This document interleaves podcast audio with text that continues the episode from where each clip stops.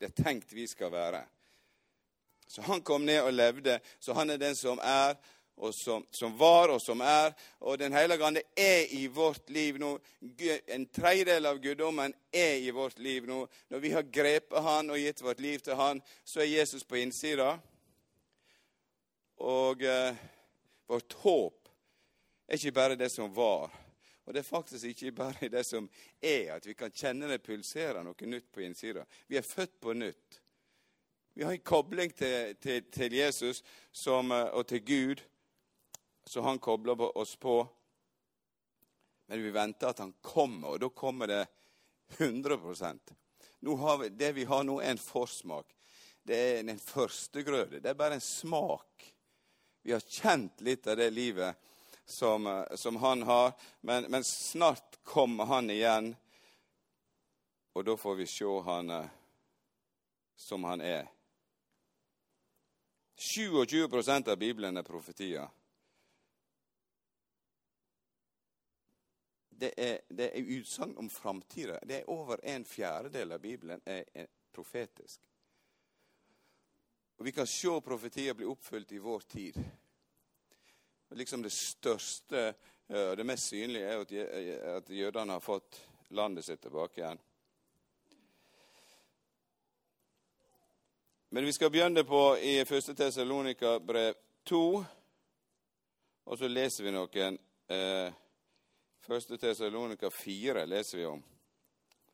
Der står det 'Når Herren kjem'. Paulus underviser om det. Vi vil ikke, søsken, at det skal være uvitende om, som, om de som har sovna inn, så de ikke skal sørge som de andre, de som er uten håp. For så sant Jesus døde og sto opp, og det tror vi, så skal òg Gud ved Jesus Kristus føre de som har sovna inn, sammen med Han. Dette sier vi dykk med et ord ifra Herren.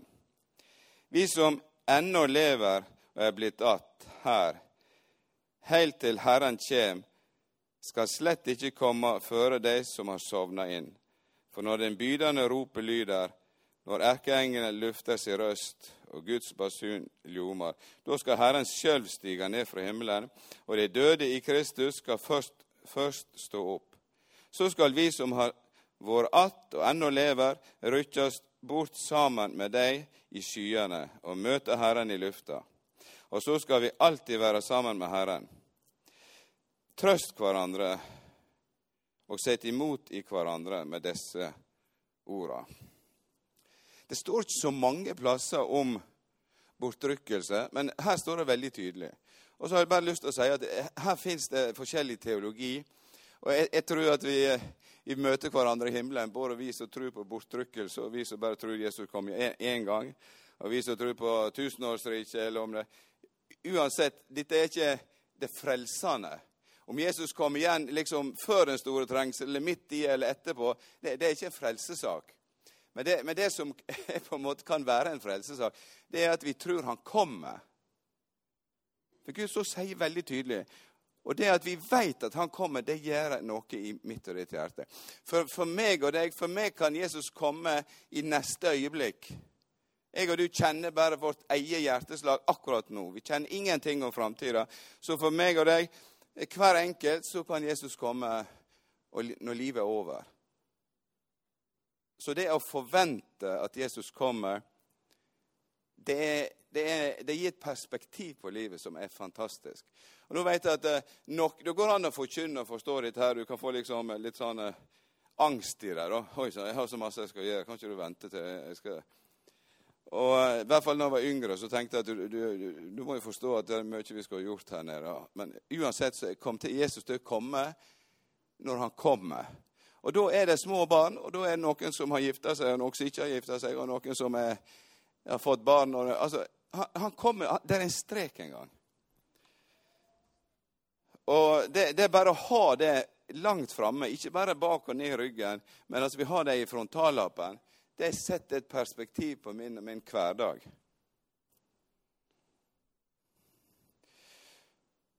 Og... Eh, det, det, det, som jeg bare forkynner, uten å gå inn i liksom, detaljene på dette her, om når Jesus kom igjen og bortrykkelse Men eh, det, dette er klassisk pinseteologi. Vi tror at Jesus kom igjen i skyen, som det står her. Og vi tror han kom igjen før den store trengsel. Av forskjellige grunner. Enok vet du, står at han vandra med Gud. Og som det var i Noas dager og Lots dager. Og alle de tre de ble rykte opp, de ble redda ut før Guds vreide kom før syndefloda kom, før eh, Sodoma og Gomorra ble ødelagt med eld. Både før elden og vannet. Så ble det en, en eh, redningsnasjon fra himmelen for sitt folk. Enok det er jo fantastisk. Han vandrer med Gud. Og jeg tenker Jeg, må, jeg ser for meg noen kommer og spør hvor er Enok. Han går og vandrer med Gud der borte. Han, han har en samtale nå. Og eh, du, du, du, når ikke han på telefonen akkurat nå, for, for nå, nå, er han opptatt. Og jeg tenker Jeg tror Gud vil, vil, at vi skal av og til være opptatt. Folk skal kunne si om oss han er ikke tilgjengelig nå. Han, han, han har en samtale med den høgste. Det er noe som er viktigere i dette livet enn å ta telefonen akkurat når han ringer. Det er en prioritering i Enoks liv. Det står ikke så masse om han, noen få i, i Juda-vers, eh, Juda sitt brev, i Juda 14, i Hebreabrevet 11,5, så står det han ble, han ble bortrykt fordi han trodde. Han hadde fått en tru. Han, han, han, kunne vandre med Gud. Det står om Noah også, som det var i Noahs dager. Det står også om han, han vandra med Gud midt iblant et folk som var frafallen på samme måte som vi også lever i et folk, i en kultur som er frafallen fra Gud. Så går det an å leve, det går an å vandre med Gud. Det går an å ha, og, uh, ha kontakt med Han som kommer, før Han kommer. Det er to stykker i Gamle Testamentet. Enok og Elias begge ble rykt rett opp. Elias så det, liksom. Elisha så han i hvert fall. I en eld, i en storm. Gud tok han opp. Jeg tenker, Dette er forbildet. Dette her er, Moses også står at han, eh, eh, Mikael, engelen, kom og henta han. Han døde på et fjell, og så tok Gud han opp. Jeg tenker, Dette er sånne fantastiske profetiske bilder på En gang skal det komme en kraft fra himmelen hente oss opp dette her ordet 'borttrykt' det, det, er faktisk samme, i hvert fall i, i, sånn som i Septuagenta, den, den eh, gamle klassiske oversettelsen. Der er det samme ordet for opprykkelse både med Enok Det betyr å gripe inn, og, og med oss som menighet. Det betyr å, å rive til seg og snappe noe til seg. Det betyr å føre av stad. Det kan bety å plundre, for det, det går så fort. Det blir også brukt, brukt om å plundre og ta ting. Det er et øyeblikk du snapper noe fra. Og, og bortrykkelsen er en sånn greie. Det, det, det, det, er brukt noen ganger i Nytestamentet. Det, det er brukt det samme ordet når, når Paulus han ble, han ble, på en måte nesten snappa av hesten. Og så ble han rykt opp veldig tidlig, kanskje på en av de dagene han var blind. Og så ble han eh, opprykt i himmelen. Og så fikk han se, og så fikk han høre. Og så det han forkynner her også, så han, han det Det er ikke noe han dikter opp. Han har det et ord ifra Herren. Han har sittet ved Jesu føtter og hørt det. Det kom en bortrykkelse. Og det er brukt om Philip. Du, han, eh, han, var på en plass, og plutselig, etter den etiopiske hoffmannen, og han fikk lede han til, til Kristus, så plutselig var han bortrykt. Så var han noen mil Det var liksom ikke fly og helikopter på den tid, men, men det var Philip Airlines. Det, det, fungerte faktisk alt på Jesu tid. Det samme ordet. Han ble, han ble flytta, han ble transportert. Så det er også eh, bildet at, at Gud virker sånn jeg har hørt også, jeg har lest noen bøker med kirkehistorie. Jeg har hørt folk også merkelige greier. De forstår ikke det. De var på vei til en plass der de skulle komme for sent, og plutselig var de der. Og Vi kan ikke forklare det. Men denne bortrykkelsen som kommer når Jesus kommer igjen, det er, det er ikke bare at du blir flytta fra, fra Orvika over i fjellet, liksom. Men du blir løfta opp, og så møter vi Jesus, og så blir vi transformert. Og så blir vi litt, vi karene og damene som er liksom over the top rent fysisk, da, vi, får, vi blir 25-30 år, alt etter sånn. Alle vondtene er vekk. Og det skjer på et øyeblikk. Det skjer på kortere eller et øyeblikk.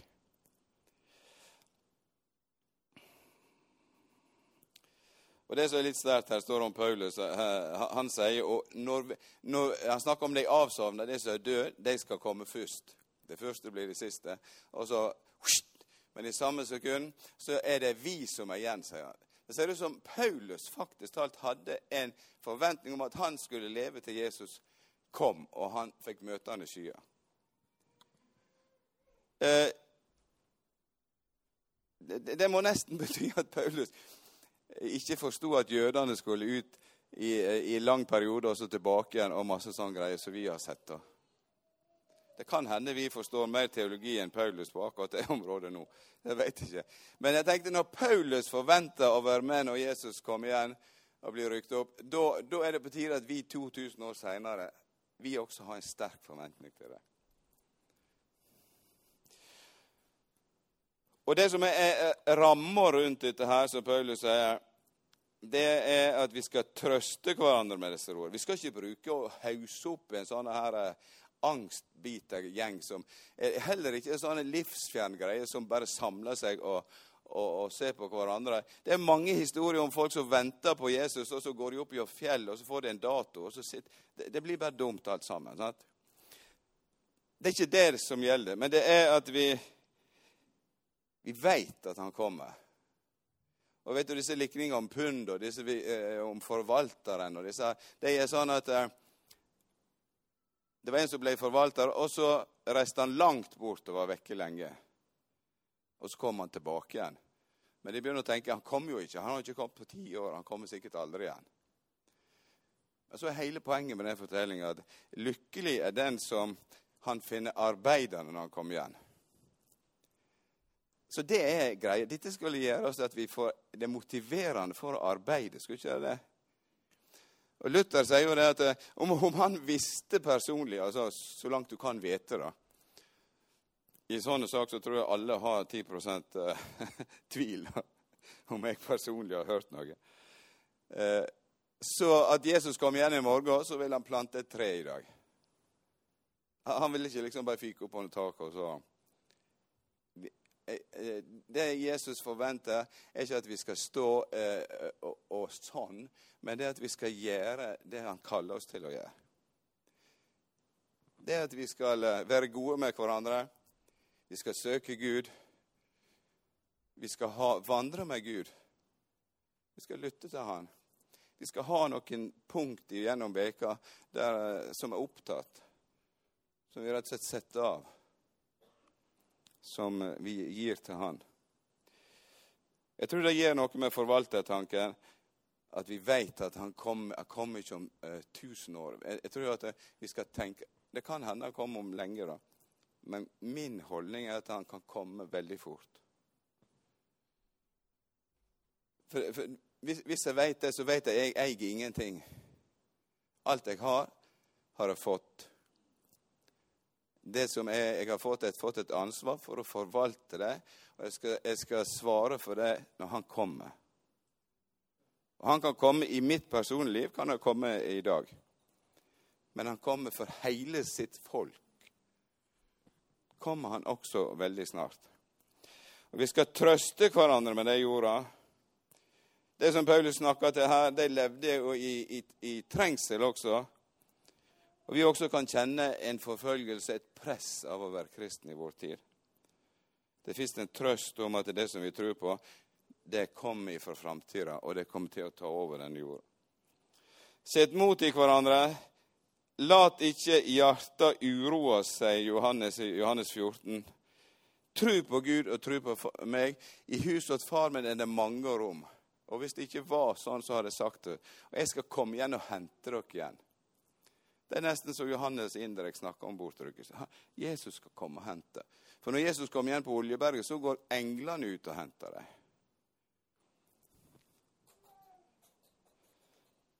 Så lat ikke hjertet uroes, og vær ikke redde. Så denne vissheten, den, den gir oss en, eh, en trygghet i livet. Du, vi venter på kongen. Vi venter på han som var her før alt ble skapt. Vi venter på han som har frelst oss. Vi venter at han kommer. Og, og det, det, blir et før og etterpå. Det er et før og etterpå etter Jesu første komme. Før Kristus og etter Kristus. Men vet du, det, det blir et, et himla før og etterpå når han kommer. Da blir det etter Kristus. På en ny måte. For Da tar han i tur med all djevelskapen, og så lager han et fengsel for djevelen. Og binder all djevelskap og demoner og, og, og drit og lort i tusen år. Og så skal vi leve her sammen og bli rådig sammen med Kristus. I under Han så er alt perfekt. Det er det. Det er et eh, han, Jesus lærte jo oss å be La navnet ditt helges, la riket ditt komme. Så dette her er en svar på vår bønn. Kristne i alle generasjoner har bedt la ditt rike komme.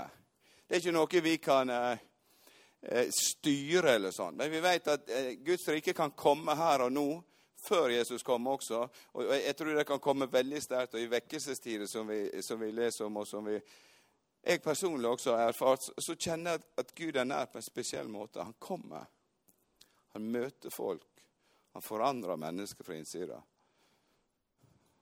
Og det tror vi virkelig på.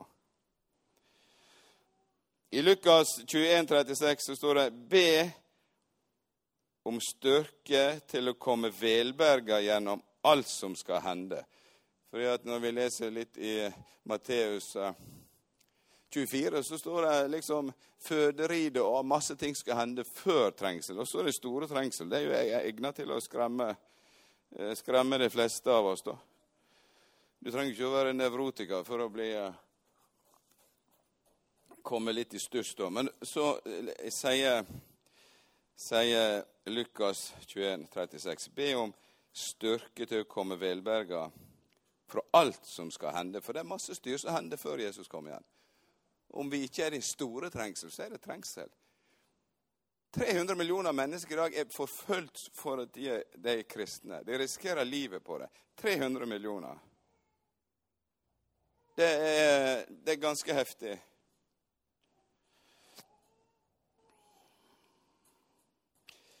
I 1. Tessalonika 5, 4-6, det står det også Men det, søsken, han snakker om at Herrens dag kommer som en tjuv.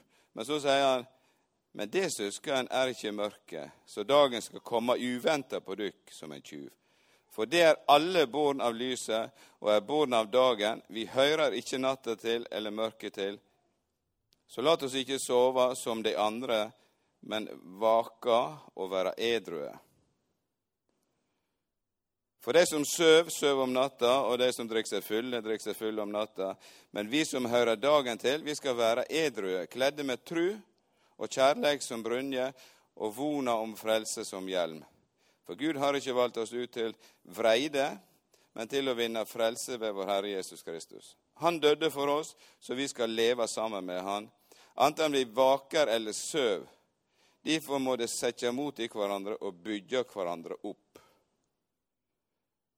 Så det er det, det, det, Paulus holder på med, å bygge opp tessalonikerne. Han har undervist tydeligvis veldig nøye om dette, og så var det blitt litt eh, forvirring oppi der. Og så bare minner han deg om det. Det han har undervist i menigheten om bortrykkelsen, om at Jesus kommer. Han kommer på Oljeberget, men han kommer også i lufta. Og eh, rykker sin menighet og et, et av bildene på menighet er et brud. At Jesus er brudgom, og Guds menighet er brud. Og det, det blir en heidundrende sju års bryllupsfest i himmelen. I gamle dager når du virkelig skulle ha bryllup, så holdt de på i sju dager. Men eh, her ser det ut som en holder på i sju år. Og når Jesus kommer på Oljeberget, så kommer han sammen med sine hellige. Det, det blir greiere å se Oljeberget overfra.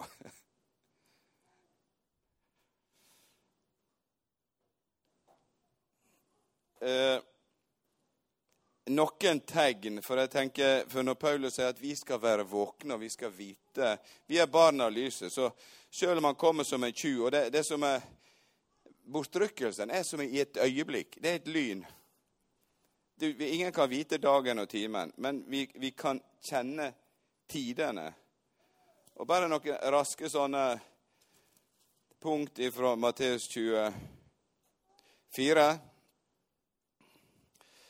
fra vers 2 og 3 utover, så er disse tegna Tegna er jo som, som skilt. Sånn. Hvis, du, hvis, du, kjører på en vei, og så står det fem skilt om Veien stopper nå om fem kilometer, om fire, om tre, om to, om én så, så, så, er det tegn på at du bør forstå at her borte er det slutt. Så hvis du da får sett i 110 og ikke bryr deg rett rundt en sving, så er du rett ut i et uh, dette er et tegn på at eh, veien slutter her framme. Og det er noe av det tegnet, det er, og det er, det er bare forberedelse til trengselet. Og jeg tenker, Dette er som å beskrive det 19. århundre, altså forrige århundre, og den tida vi lever i. Vi skal høre om krig, og det skal gå rykte om krig. Se til at det ikke lar dere skremme. Og hvorfor det? For vi vet han er historiens herre. Og han kan ta vare på oss også. For dette må hende, men ennå er ikke enden kommet. Folk skal reise seg mot folk og rike mot rike, og det skal være hungersnød og jordskjelv stad etter stad. Det er omtrent som å lese Dagsrevyen nå, eller se på. Men alt dette er bare begynnelsen på fødselsriene. Så det som vi vet nå, at det er kommet i gang med fødselsriet. Altså Det siste 100 år er fødselsridet på Jesus komme. Og Det eneste jeg har greie på med fødselen, i hvert fall, det er at eh, er riene begynt, eh, er, liksom, er vannet gått og riene begynt, så er det bare snakk om at eh, altså, riene kommer ikke til å gi seg. Det, det, det, blir ikke, det, blir ikke, lettere og lettere. Det, blir, det blir heftigere og heftigere. Det, egner på seg på en måte ikke å oppmuntring, men det er faktisk det, for det kommer en forløsning. Og alle som vet at eh, når en fødsel er på gang, så har det vært skjedd noe Det er synlig eh, mange måneder før. Du trenger ikke å være jordmor for å se at her er noe på gang. Sant? Sånn at det, det, det, går an å lese tidene og kjenne at når vi leser historier, og vi bare leser veldig enkelt det som står der uten å så er det som vi ser Der, der, der er, der er fødsel på gang. Der er rier som er begynt. Og disse riene, det blir ikke mindre. Og vi skal glede oss over det. For at det, eh, hvis de stopper opp, så må liksom doktoren sette det i gang igjen med medikament. Og så står det om forfølgelse, og så står det at mange skal falle ifra, og de skal svike hverandre. Så det skal være et frafall i Guds menighet òg. Det skal være preget av et frafall. Jeg tror det er for at Antikrist skal virkelig få tak på denne jorda og på en måte komme til Så er jeg nesten avhengig av at deler av De som ber det rette navnet, de har ikke det rette livet. Så en åpner opp dørene for falsk lære, for falske ting å komme inn. Og det som vi åpner opp for i Guds menighet, det åpner vi opp for ti ganger hver ute i verden. Eller 25 ganger hver. Eller 77 ganger hver. Så åpner vi opp for umoral og alt mye som vi ser i kirka og i, i, i alle sammenhenger også som kaller seg kristne, så ser jeg vi ser et frafall. Vi trenger ikke å være profet for det. Og det som er åpna opp i Guds menighet, det blir mye verre i denne verden. Og det likner mer og mer på Noas tid og Lots tid. Og det kan hende jeg skal holde preke om det litt lenger framme. Men nå bare tar vi veldig fort her. Det skal være lovløshet. Vet du, I dag er det lov i Norge. Jeg vet ikke om eh, en er klar. I dag er det lov i Norge så det er ikke så viktig om barn har far eller mor. Bare å ha medmor eller medfar eller et, noe, et eller annet. Det, det genetiske er ikke viktig. En endrer lover som har bygd samfunn i tusenvis av år. Og Det er jo ikke bare den, men det, det, det, det er jo et langt lerret. Men det skal være hungersnød, naturkatastrofer, jordskjelv, pest og pandemier. Og eh, Så står det evangeliet skal bli forkynt for alle folkeslag, og så skal enden komme. Og nå, eh, Sånn som jeg har skjønt så eh, hvert fall bibeldeler oversett til alle folkeslags språk i løpet av noen få år. For noen år siden hørte jeg i løpet av eh, 2028 så var det. Noen sier 2030 eller 32. Men vi, vi er der. Noen få år så har alle folkeslag og Dette kan ikke vi vite på datoen eller på året heller. For det, det, det, skjer så mye via media og via YouTube og via radio og via eh, all slags duppeditter. Så vi er veldig close til at alle folkeslag kan høre evangeliet. Så bare eh, litt konkret Nå har jeg datt ut av Nei, det datt jeg igjen, ja. Det er fantastisk å ha ei klokke i eh. Vi tar litt, eh, noen vers til i, eh, Roma, nei, i eh, Matteus 24. Der står det om fikentreet. Lær ei sammenlikning med fikentreet. Bare, bare, litt først, bare tre ord. Der står når menneskesonen kommer fra vers 23 til 28 i Matteus 24. Der står han skal komme som lynet. Og Da tenker jeg Han kommer som lynet. Det er opprykkelsen. Og Jesus kommer som et lyn. Det er, jeg tror ordet på gresk er atomos, og det er i løpet av en eh, milliontedel sekund.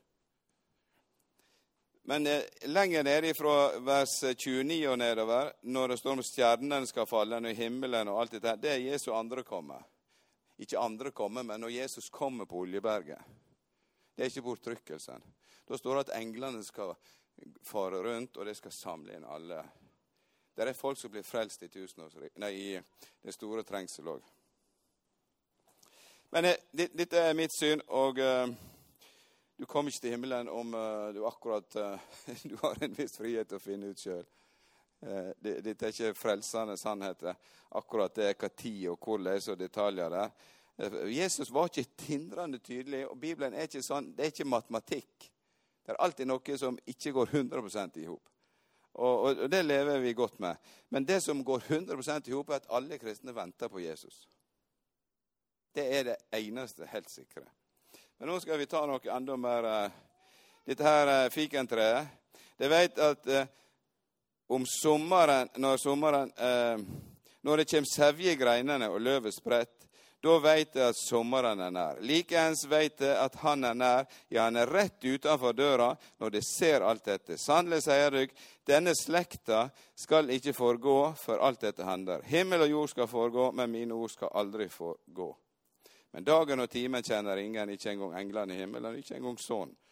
Så hvis du ser noen som har dagen, så skal du bare si god jul og godt nyttår og lykke til. Eh, han måtte gjerne komme da, men eh, dette, får, dette tar ikke så seriøst, for det er ikke bibelsk. Men vi skal kjenne tidene. Vi skal se at det er en fødsel på gang. Vi skal se at det er rie på gang i denne verden. Men greia her er at uh, dette ordet 'slekt' står her, men på gresk står det et eh, Er det egentlig en generasjon? Nå skal jeg bare si noe som er litt spekulativt. Men bare for å, å nesten sagt jeg, har tenkt på det. Eh, da vil jeg si det sånn Det kan hende. Det er ting i Bibelen som, som, eh, som på en måte ser ut som at Jesus kan komme mens den generasjonen som ser at fikentreet blømmer, ser at eh, jødene får landet sitt, landet blømmer, det er dyrka opp igjen. Det var sump og malaria og ørken var stort. Det var ikke bebuelig for, for folk der for 100 år siden. Ingen, det var ingen som ville bo, ikke engang Jerusalem. Det var nedtrakka, som det står i profetene og hedningene. Og så kommer det folket tilbake, og så blomstrer landet. Og så får de et land. Vet du, For 100 år siden var det ingen kristne. Mest konservative kristne i Norge trodde ikke at, Jesus kunne få, nei, at jødene kunne få landet sitt. En fattig, eller en enkel Charles Burson i USA i eh, England, i London, han holdt en preike midt på 1800-tallet om at jødene kommer til å få landet sitt, de kommer til å få byen sin, de kommer til å bygge det nye tredje tempelet. Og var, De lo av han på konservative teologiske fakultet. Og Det gikk noen få år, så kom Theodor Hersel, kom sionisme, og så, kom det, og så ser du at det kommer, det kommer liv i det døde treet. Og så ser vi det blomstre. Og det er klart, denne, Dette her kan du kanskje ta på året. for at det som ser det blomstre Kanskje du kan si det, det har vært en blomstring helt fra 48 til 67 og seksdagerskrigen. Og nå, nå, jeg, nå, nå, har Israel fredsavtale med Saudi-Arabia og Egypt og det er flere. Altså, det, det, det er også mer trygghet, og, og, og de produserer 95% av all maten til hva det er 6 millioner som bor i Israel. Altså, Det blomstrer noe fantastisk. Økonomien blomstrer. Det er en av de beste økonomiene i verden. Det er, de, det er den åttende sterkeste militærmakt i verden. Dette her vesle Det er det mindre eller Sogn og Fjordane fylke. Det er Det blomstrer. Og den generasjonen som ser det blomstre generasjon, Hvis du tar gjennomsnittsgenerasjon, så er det 80 år og 82 år. Skal du ta dette bokstavelig for 48, så kommer Jesus igjen i 2000 og et eller annet 30-35. Altså, et, jeg, jeg, begynner å tenke litt sånn. Men da sier jeg ikke at han kommer igjen. Da. Men jeg sier han kan hende. Det er ting som tyder på. Du skal ikke være, skal ikke være så skråsikker på at ikke Jesus kommer igjen på Oljeberget i, 19, i 2030 eller 33. Du skal ikke være helt sikker på at han ikke gjør det. Og Det betyr at eh, eh det betyr faktisk alt Vi greier å regne minus sju år. Det betyr at Jesus, Jesus kom igjen i 1930, 2030, så er bortrykkelsen i år. Yes. Så, så eh, liksom klokka sju om høsten eller fire om våren Det kan faktisk Det er ikke helt helt spennende umulig. Og Da skal jeg dele et ord i, i Hosea 6, 1-3.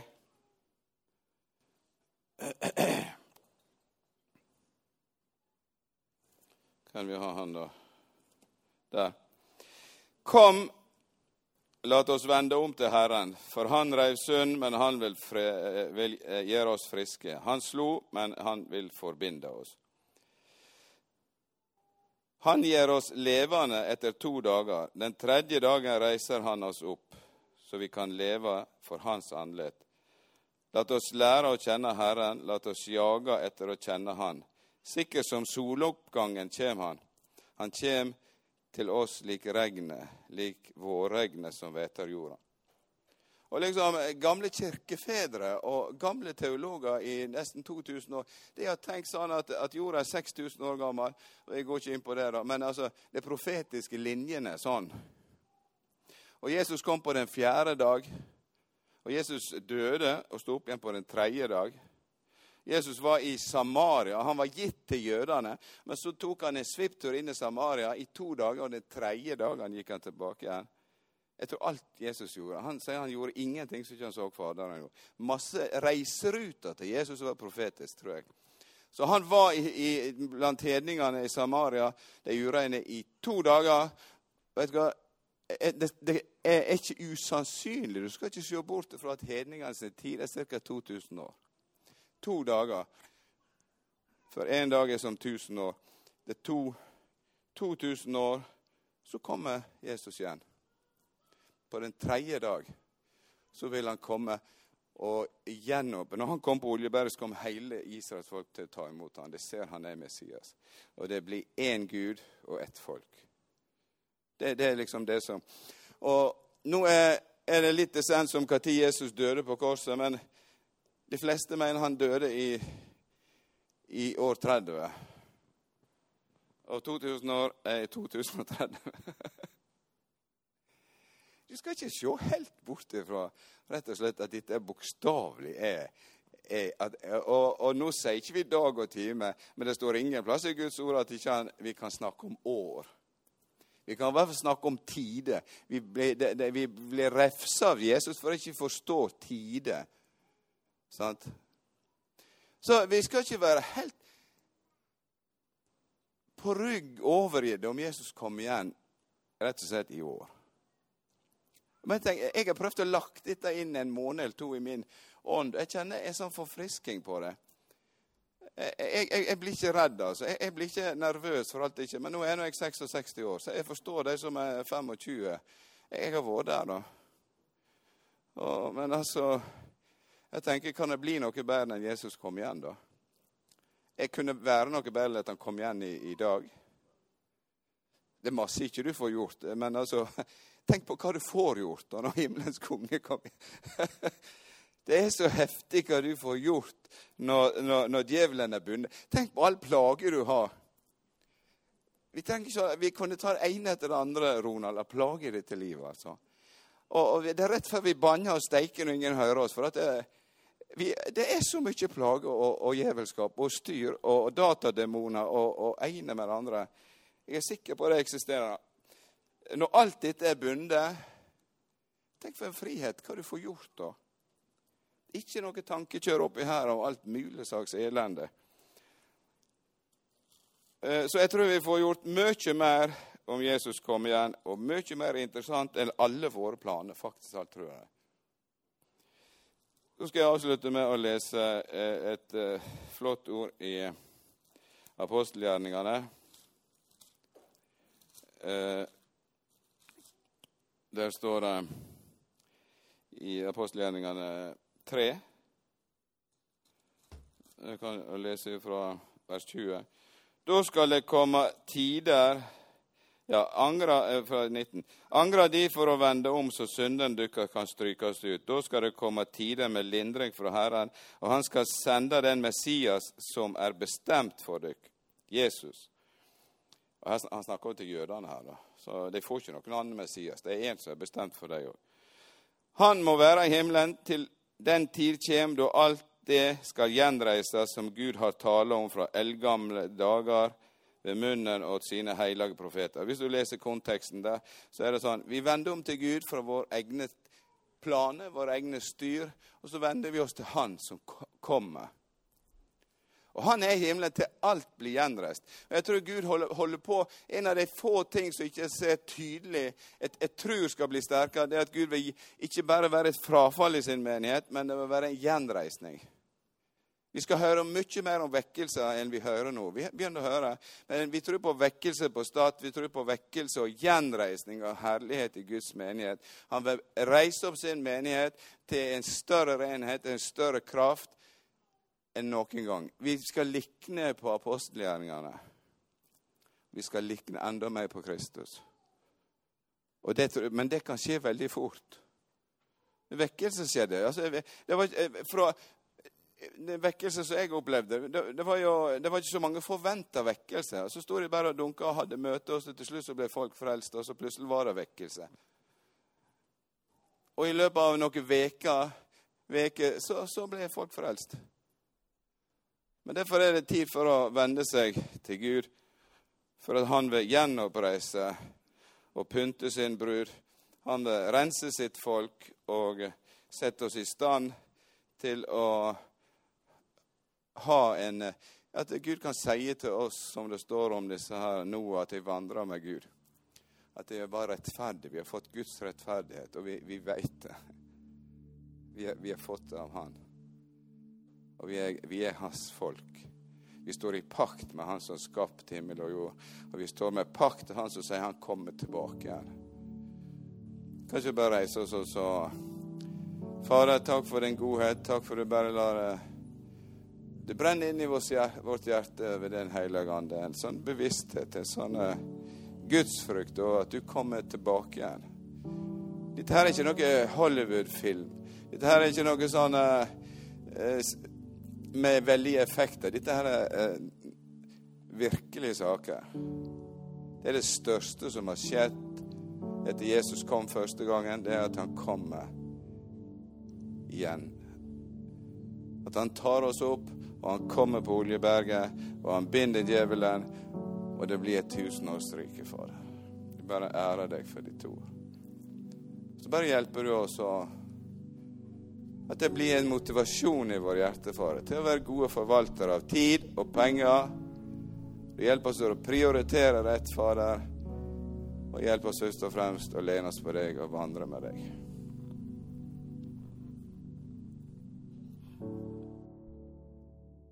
Takk for at du hørte på.